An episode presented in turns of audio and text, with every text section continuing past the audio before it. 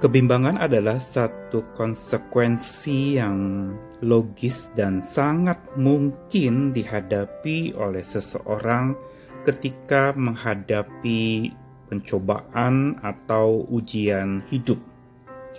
Saat-saat sulit sering kali mengantarkan kita kepada dilema-dilema hidup, kepada persimpangan-persimpangan untuk memilih jalan yang mana yang harus ditempuh, dan pada saat itu pun kita dihadapkan kepada satu kesempatan untuk mengambil keputusan, memilih jalan yang mana yang harus diambil atau diputuskan dari sebuah masalah untuk bisa selesai, maka perlu memutuskan.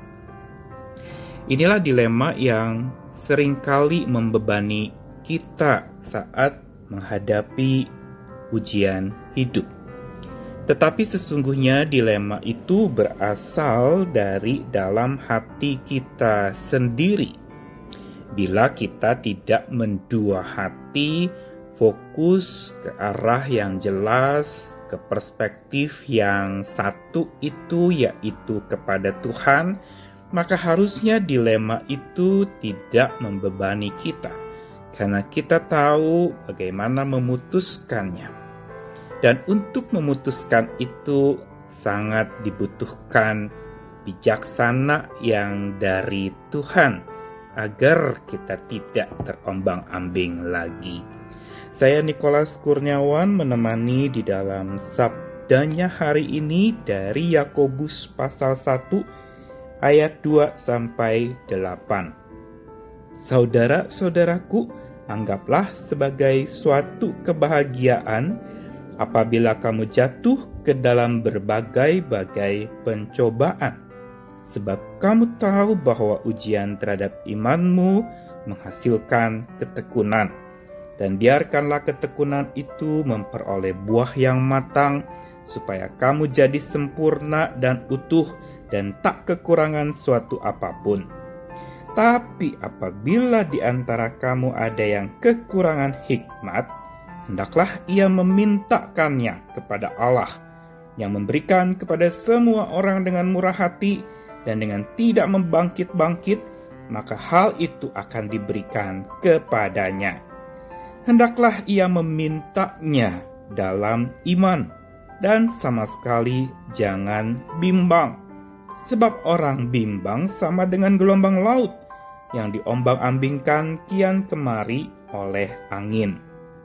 Orang yang demikian janganlah mengira bahwa ia akan menerima sesuatu dari Tuhan. Sebab orang yang mendua hati tidak akan tenang dalam hidupnya. Surat Yakobus adalah sebuah surat yang isinya bicara tentang iman yang praktis, iman yang nyata dalam kehidupan sehari-hari. Bacaan dalam surat Yakobus ini sebenarnya mau mengajak setiap orang percaya untuk melakukan aplikasi iman di tengah-tengah komplikasi kehidupan yang dihadapi ini yang sering kali terabaikan dalam hidup kita sebagai orang percaya. Kita beriman, tetapi kita tidak menerapkan atau mengaplikasikan iman itu dalam konteks pergumulan kita sehari-hari, sehingga seolah-olah itu terpisah dari realita hidup. Karenanya Yakobus memulai suratnya dengan sebuah statement bicara realita bahwa Iman itu harus diuji untuk menghasilkan ketekunan.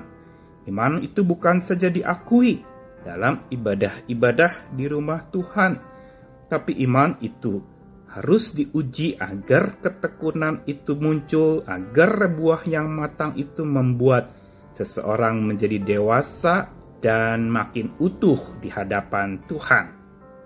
Tetapi Yakobus bukan saja memberitahukan realita bahwa ada ujian iman, tetapi dia juga memberitahukan tips atau jalan keluar atau cara bagaimana seseorang bisa menghadapi ujian hidupnya.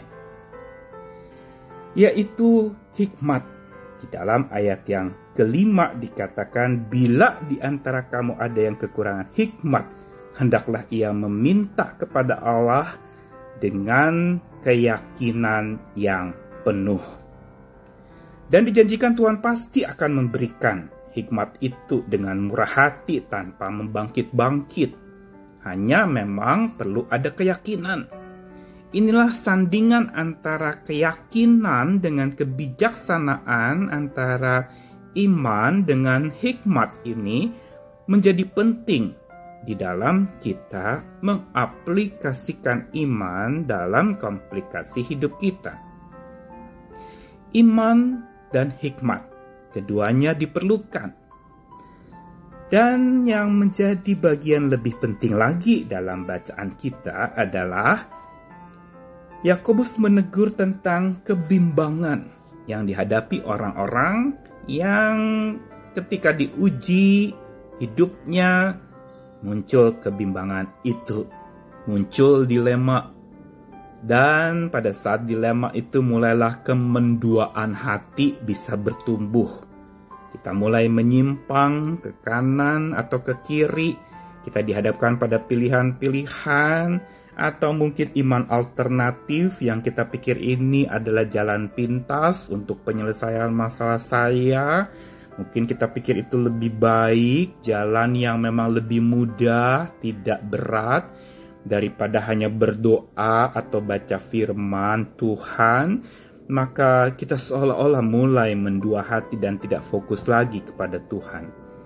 Dan Yakobus dengan tegas mengingatkan bahwa orang yang mendua hati tidak pernah tenang dalam hidupnya. Inilah peringatan buat setiap kita. Jangan sampai pada saat kita diuji, kebimbangan kita itu mengombang-ambingkan hidup kita dan menghalau ketenangan. Tidak ada orang yang terombang-ambing di tengah lautan, lalu dia tenang begitu juga hidup kita. Kita tidak bisa tenang saat mendua hati. Kita tidak pernah bisa nyaman saat kita lalu kemudian di tengah-tengah dilema hidup yang sulit untuk kita putuskan. Jalan keluarnya adalah hikmat Tuhan. Mintalah itu karena itu yang dibutuhkan saat kita sedang bimbang. Untuk itu maka perlulah kita untuk menyatukan hati. Jangan beri kesempatan untuk kita mendua hati di masa-masa ujian hidup ini. Tetaplah fokus kepada Tuhan dan jadikanlah Dia yang utama di dalam hidupmu. Tanpa mendua hati lagi, maka kita akan dikendalikan oleh Tuhan dan bukan saja Tuhan memberikan kepada kita ketenangan, tetapi juga kemenangan bersama dengan Dia. Selamat menjalani lagi hari ini bersama dengan kekuatan Tuhan yang Maha Kasih. Tuhan beserta dengan kita semua. Amin.